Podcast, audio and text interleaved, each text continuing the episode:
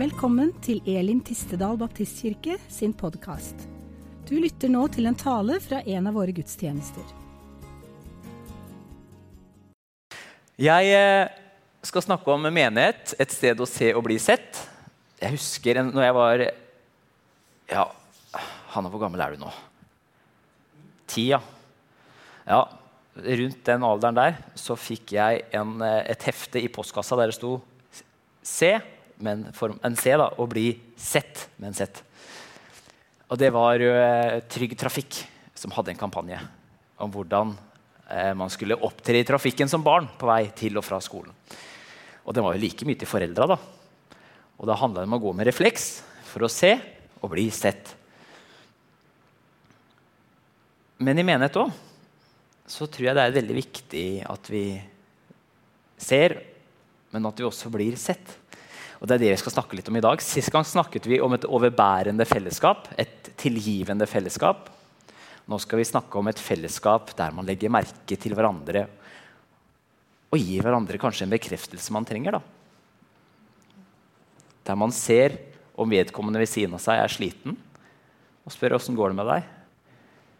Eller rett og slett å feire seire sammen. Det er kjempeviktig. Men før vi starter med det, så ønsker jeg å be en bønn. Eh, jeg har hatt en hektisk uke. Det er kanskje andre som har hatt det òg. Så la oss bare be nå til vi får hvilepuls. Det var jo veldig deilig med den lovsangen. da. Jeg landa litt da. Det var litt godt.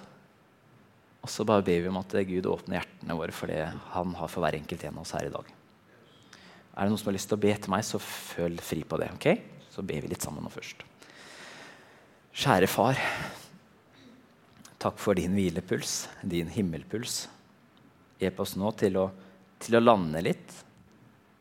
Til å koble oss på deg og fellesskapet vi er i. Hjelp meg, far, til å formidle det du har lagt på mitt hjerte, på en god måte. La det komme fra deg som en strøm fra oven. La det være din ånd som jobber i våre hjerter. Og det er du som overtaler, far. Så ber vi, far, om at dere, dette fellesskapet her nå, far, at vi skal eh, gå ut herifra i dag med enda et, et kort i baklomma på hvordan vi skal opptre overfor hverandre og be for hverandre og heie på hverandre. Så i Jesu navn, far, så ber jeg for fellesskapet her, og vi ber for den samlingen vi skal gå inn i nå. Amen. Så bra. Jeg hadde en uke i Tyrkia. Da slappa jeg masse av mellom slaga. Jeg stressa masse, og så slappa jeg av, og så stressa vi, og så slappa vi av. Eh, det var ganske spesielt å få lov til å besøke menigheten der nede, en liten baptistkirke, som det var noen tyske, tyskere som hadde bygd på 1800-tallet. Så hadde baptistkirken fått lov til å kjøpe det i starten av 1900-tallet og, og etablert sin menighet der. Og du får et litt annet bilde på hvordan det er å være kristen og minoritet når man plutselig kommer til kirken, og det står to-tre politioffiserer med våpen der og passer på deg. Og passe på inngangene inn til der du skal sitte. Man får et litt annet bilde av hva det vil si å tro. Og når pastoren går rundt med en eh, kompis som eh, har glokken godt synlig bak i beltet, og så får man høre at innimellom så må han ha med seg beskyttelse der han går, også i hverdagen. Vi hadde elleve vakter på det meste som var foran oss og bak oss og rundt oss. Og uansett hvor vi vendte oss, så sto vi midt i beskyttelse. Både fra Gud, men også fra det tyrkiske politi. Så vi, ufatt, vi bør være ufattelig takknemlige for hva vi har av fred. Men samtidig så var de gira.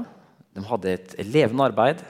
De var kanskje 60 medlemmer. De eh, jobbet både innover mot innvandring og flyktninger, men også den eh, barnearbeid. Den største drøm, vet du hva det var for noe? Det var å få lov til å ha kristne tyrkere som hadde vokst opp i kristne hjem. For det hadde de ikke hatt ennå. Men det var liksom drømmen. da, At når menigheten kommer dit, at vi har en generasjon med troende som vokste opp i kristne hjem. Det er det, det, er det største de drømmer om. da. Det fikk ting litt i perspektiv. Og menigheten for dem, der er menigheten sikkerhetsnettet. Vi snakka med flere, bl.a. fra Iran, som hadde tatt imot Jesus. Kommer til Tyrkia, men som iraner i Tyrkia så har du ikke noe ja, Du er ikke verdt noe i tyrkiske øyne. Du er en sånn flyktning av klasse D, D eller E, som sier at du har, du har ingen rettigheter. Så for dem så var det menigheten som var sikkerhetsnettet. Det var deres Nav. Og menigheten hadde en helt annen betydning. Både det å se, bli sett, tatt hånd om og passe på hverandre. Jeg hadde en god venn som bodde en liten stund i New York. Og han oppsummerte det oppholdet i New York på den måten her. Til å være en by med over åtte millioner mennesker følte jeg meg veldig ensom. Det er absolutt mulig å gå i et fellesskap og gå et sted der det er masse mennesker, og føle seg ensom. Alle kjenner seg igjen i det. Jeg traska inn i Philadelphia Oslo en gang. Jeg følte meg veldig ensom. Det var jo vi var 300 ungdommer der, da. men jeg var alene. Så var man ensom helt til noen tok tak i det og så det. Ensomhet det er en av disse punktene som Verdens helseorganisasjon tar opp som livstruende i dag. Og noe av det farligere mennesker utsettes for i dag, det er ensomhet. Og det å være, oppleve å ikke ha noen å tilhøre. Dessverre er det altfor mange mennesker som opplever å gå i menighet, men opplever også at de ikke er en del av denne flokken. Og når man spør hvorfor havna du her altså veldig, veldig mange av dem som jeg har med, som, ikke, som, er kristne, men som ikke går i menighet, men de er veldig aktive andre steder. Enten om det er i Fagforbundet, eller om det er ja, Tistedals idrettsforening. Eller Hamar. HamKam.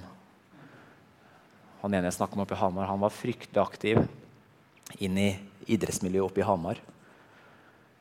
Men også hadde en brennende tro, egentlig. da. Men hvorfor havner du her på søndagen ikke i kirken? spurte jeg, og da sa han det. Her er jeg en av gutta. Og Da tenker jeg da har vi bomma på noe i menigheten. Når eh, HamKam klarer å tilby noe som ikke menigheten i Hamar klarte.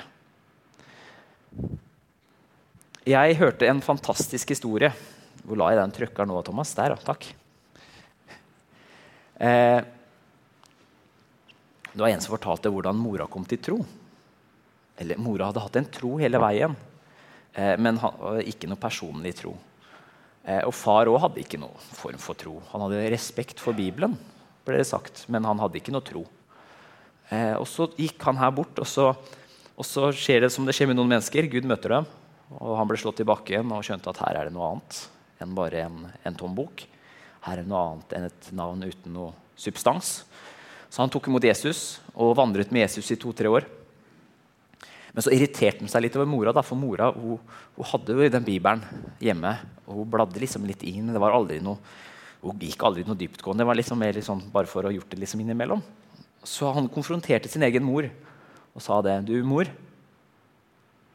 nå får du gjøre noe alvor ut av den troa di. Hvorfor går du ikke i kirken? Da var det statskirken som var greia. Og så kom det fram. da. Hun følte seg fordømt. Ikke at noen andre hadde fordømt henne, men hun fordømte seg selv. Jeg tror jeg veldig mange gjør. At de føler seg fordømt. Så tror de Kirken fordømmer dem. Men til syvende og sist er det dem, de selv som dømmer seg selv. Altså, vi er vår verste dommer til syvende og sist. Så hun gikk ikke i kirken av den enkle grunn at hun var ikke bra nok til å gå der.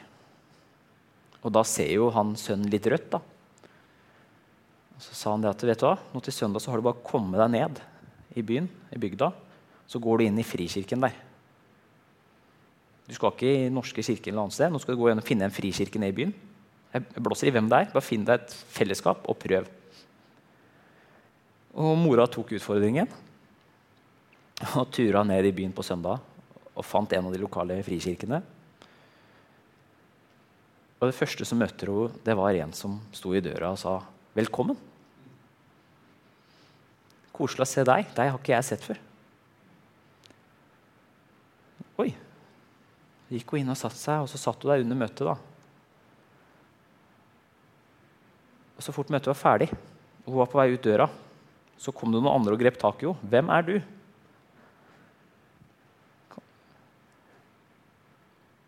Fra den dagen så var hun aktiv med i menigheten.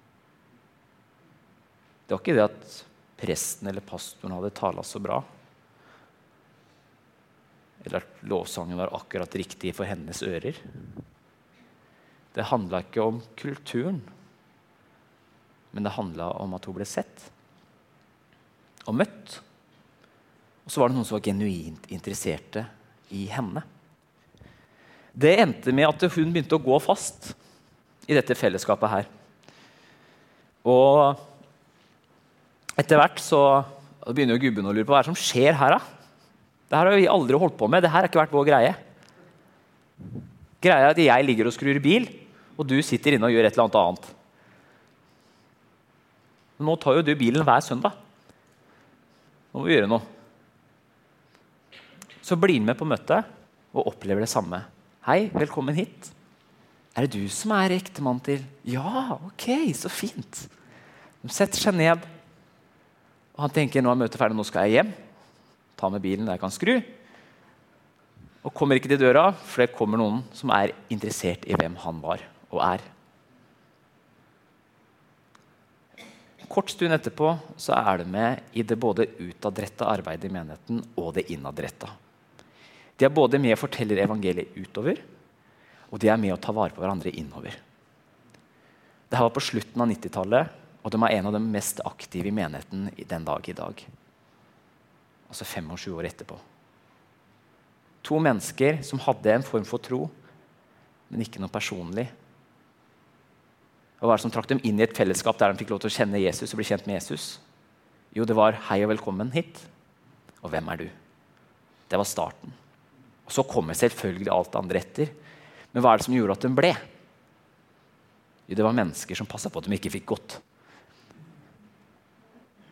For de lurte på hvem de var. Og Det er noe vakkert med denne historien, da, spør du meg. Det er to mennesker som for så vidt søker noe mer, men kjenner på fordømmelse. Det er rett og slett noe enkelt som et håndtrykk. 'Velkommen hit til oss.' Der de blir invitert inn i et fellesskap der de får lov til å være noe mer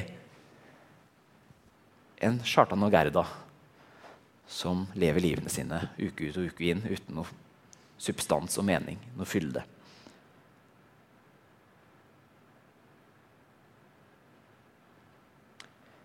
Frode han eh, sa til meg en gang at en av de viktigste oppgavene vi har i menighet, det er møteverten. Hvis møteverten står opp med feil, feil fot, da kan man egentlig bare stenge dørene. For møteverten er første møte med menigheten. Hei. Velkommen hit. Så Det har så mye å si hvilket fjes man møter. har det ikke det? Så Jeg kjøpte min første kalender av Turnforeningen i Halden noensinne her nå før jul i fjor. Jeg har aldri kjøpt noe sånt tidligere og tenkte at det skal jeg aldri kjøpe heller. Men så kommer det da en jente på 12-13 år. Hei! Har du lyst til å kjøpe Turforeningen? Det har noe å si da, hvilket ansikt man møter, og hva det har med seg. Ja, selvfølgelig klarer jeg ikke å si nei til deg, sa jeg. Og vippsa 50 kroner og fikk en kalender. Og jeg tror ikke jeg skrapa den engang. det var sånn skrapekalender. jeg vant ingenting, i hvert fall. Men førsteinntrykket vårt og fellesskapet, det bærer med noe mer. Har dere sett den pyramiden noen gang?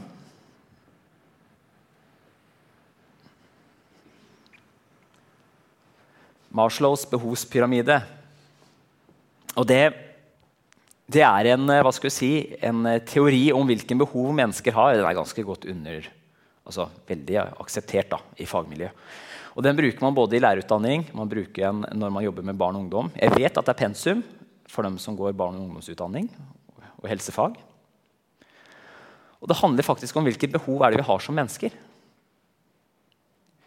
Og hvis man ser litt her, så ser man det nederste behovet. Det er jo sult, tørst, søvn osv. Det, det vet jeg er veldig viktig. Når man er gift, så vet man om disse ikke er møtt. Da er det like godt greit å bare blåse opp liggeunderlaget og gå ut og legge seg i telt. Men, men, kona vet det samme. Jeg tar ikke med meg Markus inn på Kea før han har fått seg en runde med kjøttboller og potetstappe i, i kantina. For han, han, klikker jo når vi ser på den 17. senga eller det er en eller annen stol eller en eller annen hylle. da. Og alle hyllene ser helt like ut, men de skal ha en genuin, interessant mening da om hver eneste hylle. Altså, Jeg klikker i vinkel jeg, om jeg har tom mage da. Sånn er det jo. Er, er vi ikke enige i det? Vi har noen behov. da. Eller når du er på ungdomsleir og du har sovet ingenting på tredje natta, og Chartan på 14 år har bestemt seg for at i natt skal jeg sitte på taket. Da er det ingen nåde å hente hos meg. i hvert fall. har, vi har noen basic behov som må dekkes. Og så kommer denne neste behovet, det er sikkerhet og beskyttelse. Det er også behov vi, vi frakter etter og søker, bevisst eller ubevisst. Og så kommer disse sosiale behova. Tilhørighet og kjærlighet. Selvaktelse og status. I hvert fall i mennesket i dag så er det mye statusjag. da. Fryktelig mye statusjag. Og så kommer det åndelige aspektet. Og Mennesker har behov for kjærlighet, mening med livet, en tro, faktisk, kommer det fram i NLA sin undersøkelse. At vi mennesker er helt avhengig av en form for tro. Nei, jeg er ateist, sier du. Ja, så fint, da. Det er ikke fint, men, for så vidt, men du har en tro. i hvert fall. Ikke kom og si at du ikke har en tro. Du har en tanke om hva som skjer når hjertet ditt slutter å slå og du klasker i bakken. Du har en tanke om hva som skjer med deg da. Og alle disse punktene de er absolutte krav vi mennesker søker etter og trenger. I Norge i dag Dette er ferske tall som jeg henta i går fra Folkehelseinstituttet så har man i overkant hvert år de 20 siste åra hatt 600 mennesker som tar livet av seg. 2021 var et mørkt år i Halden. Da var det mye ungdom blant annet, som valgte å avslutte livet. Alene, på egen hånd. På ganske mørke måter. Og Så kommer det fram da, blant dem som ikke får det til. Det er jo noen som prøver å ikke få det til òg. Hva er det som gjør at du blir pusha mot den kanten her? Så vet vi, ifølge NSSF, en rapport som kom i 2016, at veldig mye havner om mangel på tilhørighet. Og det som er ekstra mørkt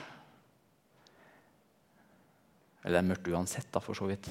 Men det vi ser, er at det er to tredjedeler av alle som tar livet av seg i Norge, det er menn. Og dette er også noe man ser igjen i generelt Vesten, Europa. Nord-Amerika så ser man at det er en stor andel menn som velger å avslutte livet sitt.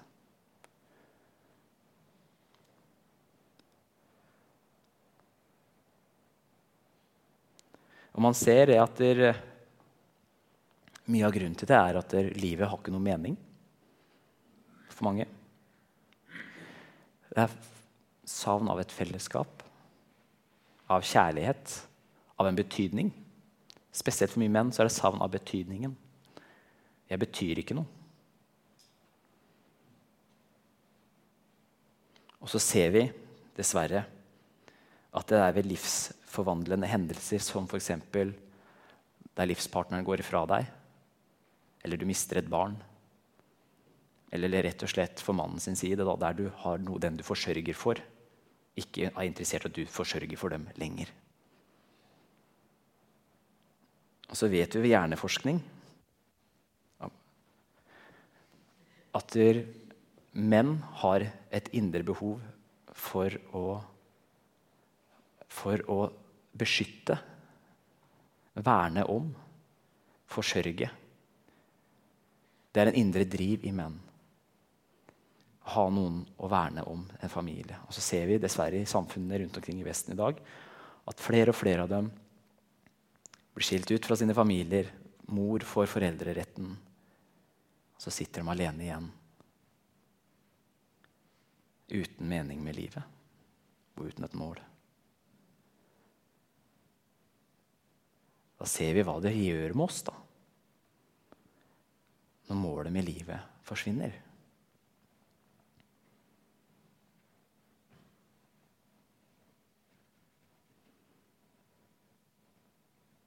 Og Dette her er viktig at vi ikke skyver under en dørmatte.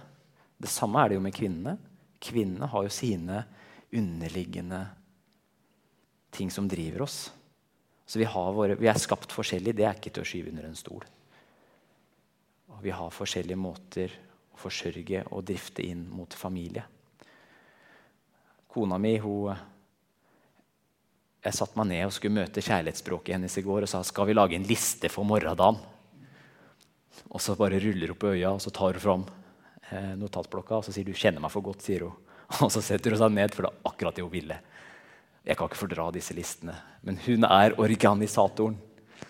Så vi har en sånn eh, gjensidig avtale at du tjener penger, og så passer jeg på at huset ikke brenner ned. Det er liksom en sånn, en sånn fin ordning som vi har i vårt ekteskap, som jeg er veldig takknemlig for. For vi, vi har liksom funnet hverandres plass og trives veldig godt i det. Men den tanken på om jeg en dag skulle stå der uten mine barn og en kone jeg har ansvar for, som ikke jeg beskytter, eller jeg, jeg trengs, da blir det jo veldig mørkt. Man ser jo det på min egen far. Han, han slutter jo aldri å være pappa. Og sånn tror jeg dere som er foreldre her også kjenner igjen. Man, man, slutter jo aldri det her med å være pappa. Man bryr jo seg. Altså min mor spør om jeg har på meg nok klær når jeg skal ut og jobbe hos henne. Og jeg ruller litt på øya så sier jeg er 28 år gammel. Har du en stillongs til? Altså Det ligger i oss. Det er så viktig for oss å ha en tilhørighet. Noe å jobbe mot sammen. Det å bety noe for noen andre.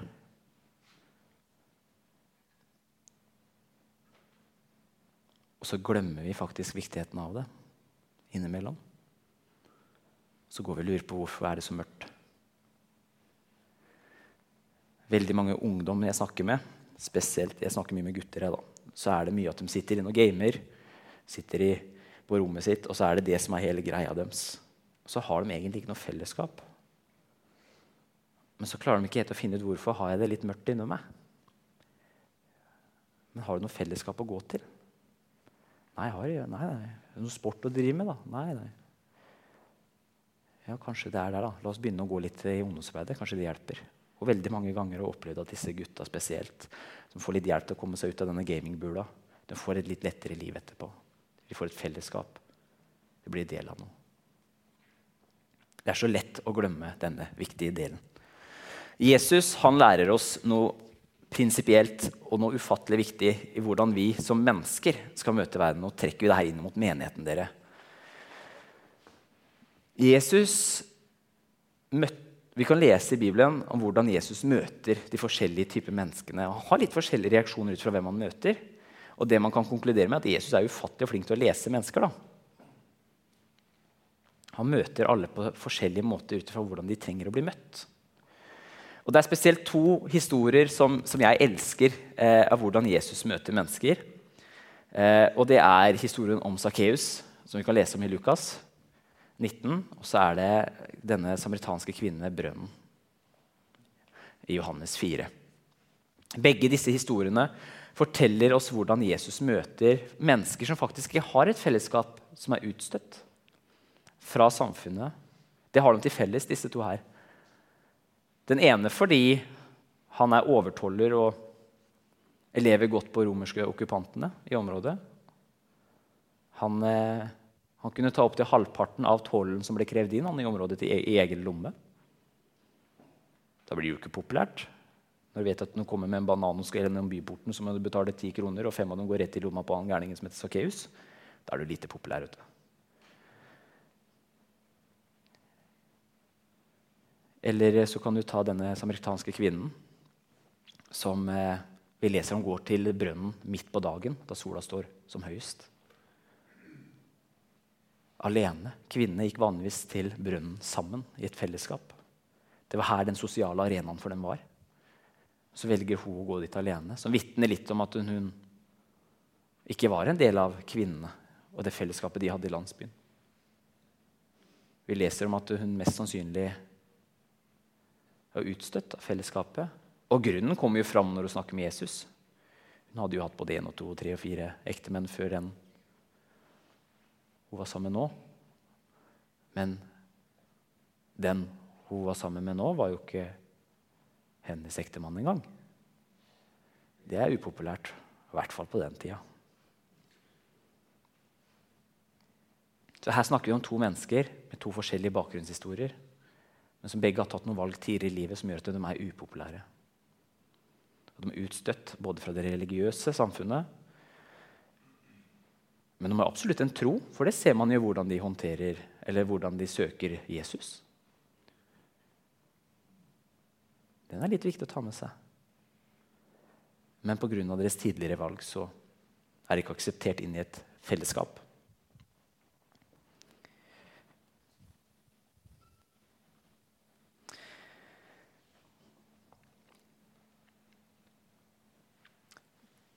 Det Jesus har til felles for de menneskene han møter, at han gir dem tro på seg selv. Han bygger jo opp Sakkeus. Fantastisk. Hvis vi kan ta Sakkeus som historie, da. Så løper Sakkeus i forveien og klatrer opp ikke et jordbærtre, som jeg trodde var liten, men et morbærtre. Et tre som blir ca. 15 meter høyt og hadde lave greiner altså lave greiner på stammen. som kunne klatre hele veien opp. Han var lav av vekst, står det. Han gikk i forveien, for han visste at Jesus måtte gjennom der. Opp i tre klatrer han. Og det er noe, altså, I jødisk skikk så er det, det er skamfullt. Det er ikke noe man gjorde. Klatra i trær. Det var noe barn gjorde. Så når en voksen mann klatrer opp i tre for å se etter Jesus, så handler det litt om at han er desperat. Han ønsker noe mer. Så kommer Jesus, og så tilbyr Jesus fellesskap. I dag skal vi ete sammen. Hva Har du lyst på kebab eller pizza? Taco, sier du? Ja, Da går vi for taco. Men det Jesus gjør, da det Jesus han bryter skikkene og normene på den tida. For på den tida så skulle ikke jøder være sammen med jøder som var altså kasta ut, eller urene jøder. Skulle ikke bruke tid skulle ikke være sammen eller snakke med en gang med disse tollerne og synderne. Så velger Jesus å krasje det party hos Sakkeus. Jeg vil være hos deg, Ida. Så forteller han alle som står der er på tide at vi bytter litt på hvordan vi ser på hverandre. Så forteller han Sakkeus at jeg anerkjenner deg og din søken etter meg. Han tilbyr et fellesskap Og så gir han Sakkeus en mening med tilværelsen. Og så ser vi at det gjør noe med Sakkeus. Sakkeus opplever å bli sett og tilgitt. Og hva gjør Sakkeus da? Jo, når Jesus begynner å få pepper da, for å gå inn til Sakkeus, så, så, løper Sakkeus til Jesus og sier alt det jeg eier, skal jeg selge og gi til de fattige. Og har jeg tatt noe fra noen, så skal jeg betale dem fire ganger tilbake. Etter jødisk eh, lov hvis man hadde tatt noe, skulle man betale den summen man hadde tatt, pluss 25% Sakkeus overgår krava om hva som han må gjøre etter loven. Så sier han jeg tar det så mye lenger. Jeg skal gi fire ganger tilbake. Så de skal tjene på at jeg har svindla dem. Da snakker man om et endra hjerte. Og det starta med at Jesus så han og bekreftet han denne kvinnen, leser vi om at hun, hun blir jo faktisk det hjelpemiddelet etter at Jesus gir oppmerksomhet og tid. Taler med henne, noe jøder ikke skulle gjøre. Skulle ikke tale med kvinner. på den tiden der. I hvert fall ikke en samaritansk kvinne, som helt klart har gjort noe galt siden hun kommer alene til brønnen. Så setter han seg ned og bruker tid med henne. Og denne kvinnen blir jo redskapet til å nå denne byen hun kommer fra. Som gjør at Jesus får bruke to dager der til å forsyne evangeliet midt i Samaria. Som gjør at Philip, når han noen år senere kommer tassende inn der og skal slå opp teltmøtet sitt, så blir 5000 mennesker frelst. Og en kjempevekkelse skjer i Samaria, som vi leser i Apostelens gjerninger. Og så det begynte med at Jesus var der noen år tidligere. Og det begynte med at det var en kvinne som var villig til å gå. For hun hadde blitt sett og bekrefta. Det er hvordan Jesus jobber, dere. Menigheten skal ha en effekt, som vi leser Jesus, eh, Jesus forteller oss i bergprekenen sin i Matteus 5. Så leser vi om hvordan vi som menighet skal ha en effekt på samfunnet rundt oss. Salt og lys. Salt av to grunner. Det skal bevare, men det skal også gi smak. Og Der er det en fin balanse. Det må vi øve på som menighet, at vi ikke salter i hjel maten. Da holder maten lenge, men det er ingen som vil ha den. Så det handler om en balanse der. Og så handler det også om dette lyset. Da. At vi skal synes. Når Carlos Fumero sa hvis menigheten din forsvinner i dag, vil den være savna i morgen. Og Hvis svaret er nei, da må dere endre hvordan, dere praksis, hvordan praksisen deres er i deres lokalsamfunn. Og det er en ganske sånn ærlig test. da. Tankeprosjekt. Tankeeksperiment for menigheten. Er vi savna om vi er borte i morgen? Ja, jeg tror det. Jeg tror det er mye ungdom som vil savne oss. i hvert fall. Men kanskje vi skal begynne å sparke ned dørene til litt eldre mennesker i området her. Det betyr litt mer for dem òg. Vi er ment til å lyse. Vi er ment til å være synlig.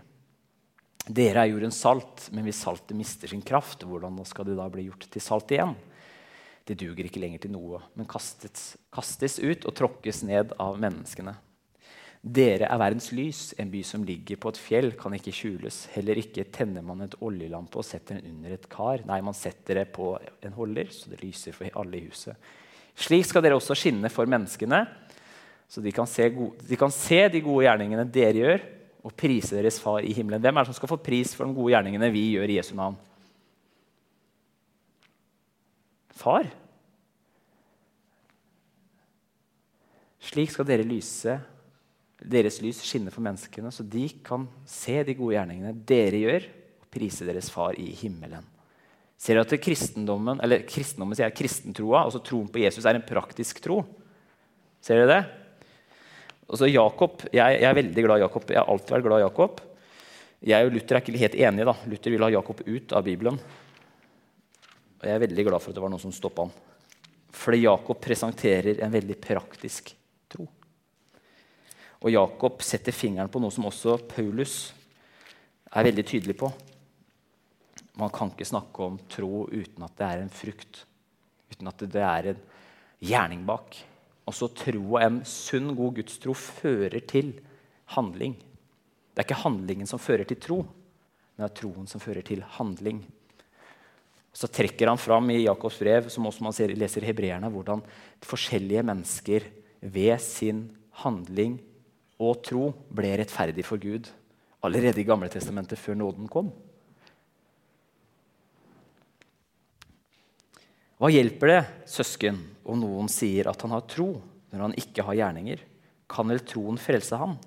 Sett at en bror eller søster ikke har klart klær og mangler mat for dagen, og en av dere sier til dem, gå, gå i fred, hold dere varme og spis dere mette. Hva hjelper det dersom dere ikke gir dem det kroppen trenger? Slik er det også med troen i seg selv. Uten gjerninger er den død. Kanskje vil noen si, 'Du har tro, og jeg har gjerninger.' Vis meg din tro uten gjerninger, så vil jeg ut fra gjerningene vise deg min tro. Og Så leser vi videre hvordan Jakob, også Jesu bror, forteller at selv demonene tror jo på at Gud er én. Og de skjelver jo. Men vi er noe mer enn dem. Altså, vi har med oss noe mer Så selv med dem under bakken og andre åndemakter tror på Gud. Men det er troen vår som bekrefter hva Nei, gjerning, eller vårt liv bekrefter hva vi tror på. Jeg snakker ikke om at vi skal ha en lovisk tro. Da har vi gått for langt igjen. Da er vi i den andre grøfta. Men vi må ha en tro som vitner, og et liv som vitner om hva vi tror. Det er så fantastisk de gangene jeg er litt sånn, i enkelte tilfeller og sammenhenger her, så forteller jeg ikke hva jeg jobber med. Og de, Noen av de gutta jeg var sammen med i skauen eh, og skjøt med og herja med en periode, de, de, visste på en måte at jeg han, han, har vel en form for tro av et eller annet. Og så, spør de, hva er det, og så Etter to års tid da, så spurte disse gutta meg hva er det du driver med. egentlig? Nei, jeg blir pastor nå om et års tid, sa jeg. Nei, halvårs tid. Pastor? Er du pastor? Ja, jeg er pastor, ja. Så kommer det litt skrått fra den ene. Ja, det var noe med deg, se. Og så kommer det fra en annen. Det her gjør jo ting mye vanskeligere. For jeg var jo i en sånn chatgruppe og kommunikasjon, og de, de harselerte så mye med kristne pastorer. Og, og Hinn var jo et sånt navn som gikk mest igjen. Og så plutselig så er en av dem som står midt iblant dem, pastor. Og han sa du, du ødelegger jo hele humoren vår.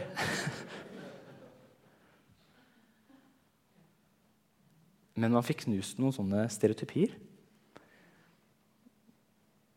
Og så var det han ene som sa det, men jeg visste at du var en tro her. Men at du var så troende, det hadde jeg ikke regna med. Men det handler om at i våre liv det vitner om hva vi har med oss. Og det er litt viktig. Noen har satt den fisken bak på bilen sin. Det hadde jeg aldri turt å ha, jeg. For innimellom så kjører jeg ikke som den fisken tilsier at jeg skal ha en sånn tro. Av den enkle grunnen så, så har ikke jeg den fisken. For jeg, jeg har noen karakterer, karakter, egne karakterer jeg må jobbe med i meg selv da, når det gjelder trafikken. Da. Og da, da vitner kanskje ikke hva det står bak på den bilen og mine handlinger om det samme. Men vi ønsker at livet vårt skal være transparent med hva vi tror.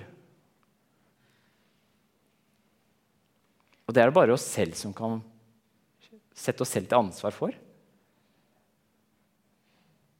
Og det handler kanskje om at man ringer på hos naboen og spør åssen det går. Sender en melding til den personen som kanskje ikke har det så lett. Stopper opp mot den dama som sitter utafor Rema og tigger spør er det noe jeg kan gjøre for deg. Det handler faktisk om at vi har med oss noe mer dere, som er noe praktisk. Det er ikke bare noe teoretisk. Og Det er det Jakob setter ord på. En av de gutta som jeg har fått lov til å følge siden 2016, han, eh, han tok imot Jesus i skauen. En samling vi hadde der. Og så spurte jeg nå i 2019 Hvorfor ble du hos oss? Hvorfor ble du en del av oss? Og så hadde han et svar jeg tatt med noe av det første og noe av det siste. Jeg ble sett og akseptert. Jeg fikk et fellesskap. Jeg fikk lov til å bli en av gutta. Jeg fikk være meg selv, avslutta han med. Dette var en gutt som som ikke var akseptert i vennegjengen på skolen. Han var en skoletaper av enkelte grunner. Hadde det tøft og litt mørkt. Så kommer han inn et sted i en alder av 15 år der det er folk helt opp i 32 år som kaster seg over den, gir den en klem, spør åssen uka har vært. Tar den inn under vingene. Folk som han bare ser opp til, Folk som driver profesjonelt med den sporten han bare interesserer seg for.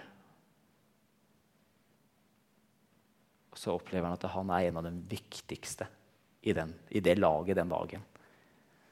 Han får viktige roller. Selv om han ikke kanskje er den beste på laget, så blir han gitt tillit. Han blir sett, han blir akseptert. Han har solgt på dagen. Og da kommer samtalene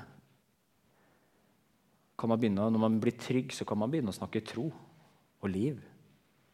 Så kommer det fram at jeg har en tro. Men jeg har ikke en sånn tro dere har. Men jeg har lyst på en sånn tro. Kom det fram et år etterpå. Det du tror på, det dere tror på rundt det bålet her, det ønsker jeg å ha òg. Og da er det sterkt å sitte der, 17-18 gutter, og så sitter en av dem og sier jeg har lyst til å ha det dere har. Da er det stort å få lov til å legge hendene på ham og be ham til frelse.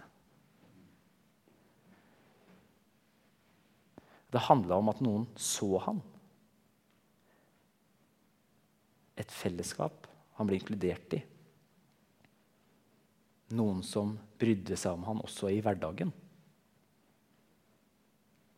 En tillit som ble gitt.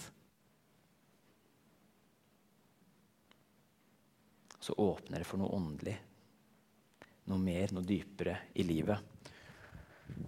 Det starter med et hei.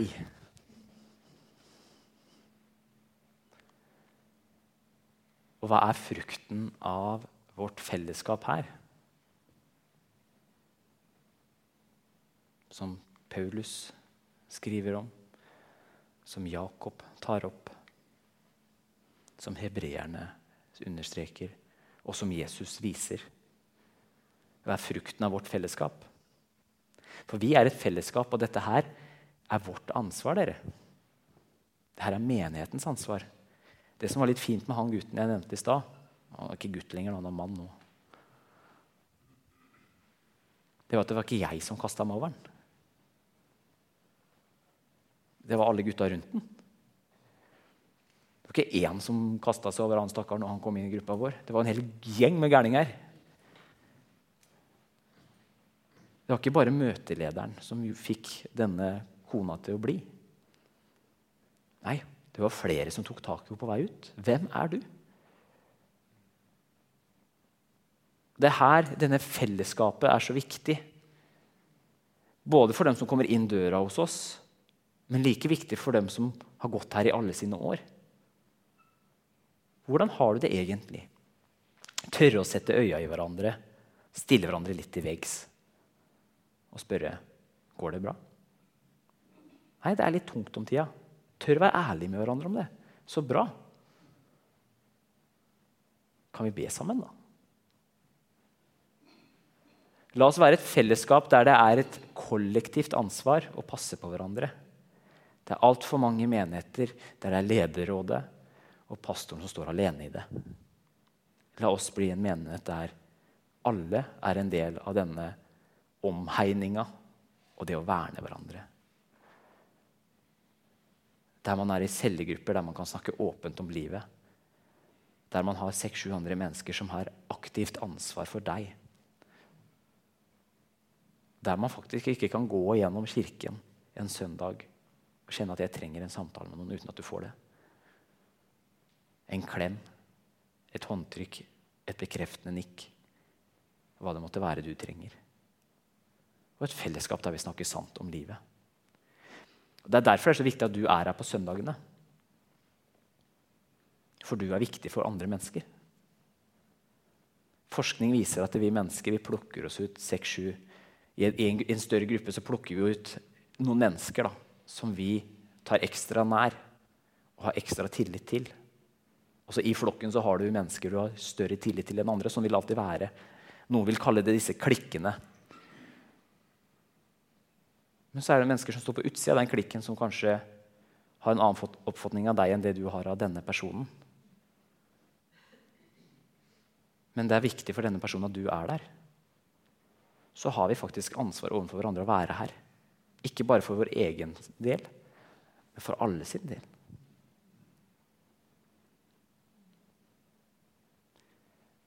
Jeg hadde én mann jeg så meg ut. Han skal gi oppmerksomhet hver gang når jeg jobba på salen. Ikke kjente jeg fra barndommen. og Ikke visste jeg hvem det var egentlig, før jeg satte meg ned og tok en avgjørelse. At den mannen der, han skal få min oppmerksomhet hver søndag. Og det ble et godt vennskap. Og så fikk man lov til å gå sammen i sorg og glede. Og så, Etter hvert som man ble eldre, så ble jo livet litt vanskeligere. Og Da kunne jeg få lov til å være den som ba for han. Til å begynne med så var det han som ba for meg. Etter hvert så begynte man å be for hverandre. Og så var det han som trengte at jeg så han på en annen måte. Det er viktig at vi er her for fellesskapet dere. Og det er viktig at ingen går gjennom kirken vår uten at de får lov til å oppleve hvordan vi elsker dem. Det er min drøm og visjon for vårt fellesskap. Treet kjennes på frukten, sier Jesus i Matteus. Menigheten sitt hjerte kjennes på hvordan vi elsker hverandre og de som kommer inn. Er dere med? Har vi, har vi forstått arbeidsbeskrivelsen vår overfor hverandre? Har vi det? Ja, så bra. Da har vi snakka om en overbærende menighet, og nå har vi snakka om en menighet som elsker å se hverandre.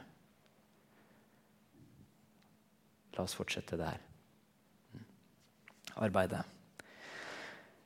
Takk, Jesus, for at du, du viser vei. Du forteller oss eh, ved ditt liv og dine handlinger og dine ord. Du setter standarden for eh, hva du krever av oss. Takk for at din, eh, ditt åk er lett og ganglig. At det ikke handler om en lovisk tro, men en naturlig handling ut ifra vår tro. Som kommer etter hvert som troen vokser. Gi oss et hjerte som brenner for hverandre, som investerer i hverandre. Et hjerte som, eh, som gråter når den ved siden av oss gråter og jubler når fellesskapet jubler, far. Som heier, og som backer opp. Hjelp oss til å bli én i, i sinn og tro. Hjelp oss til å se forbi uenigheter, og hjelp oss til å tilgi hverandre. Hjelp oss til å bli et fellesskap der ditt navn og din, ditt ord er sannheten, målestokken og den som peker ut veien for våre liv. Hjelp oss til å relatere til hverandre på en sunn og god måte. Og til å se forbi vår selviske og se vår neste. Hjelp oss til å elske oss selv. Hjelp oss til å elske de vi har rundt oss. Og hjelp oss til å se hverandre med dine øyne, far. Takk, far, for at du du er hodet over denne menigheten, både den lokale og den globale. Takk for at det er du som styrer, og at du som er stammen, far, som vi får lov til å bli en del av.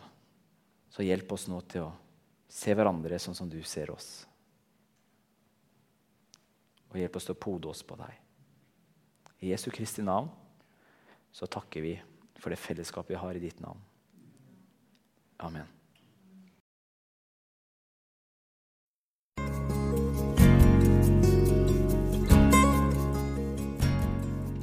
At du lyttet til denne talen. Håper du ble inspirert. Ønsker du å vite mer om hvem vi er og hva vi gjør? Sjekk ut vår hjemmeside elintistedal.no.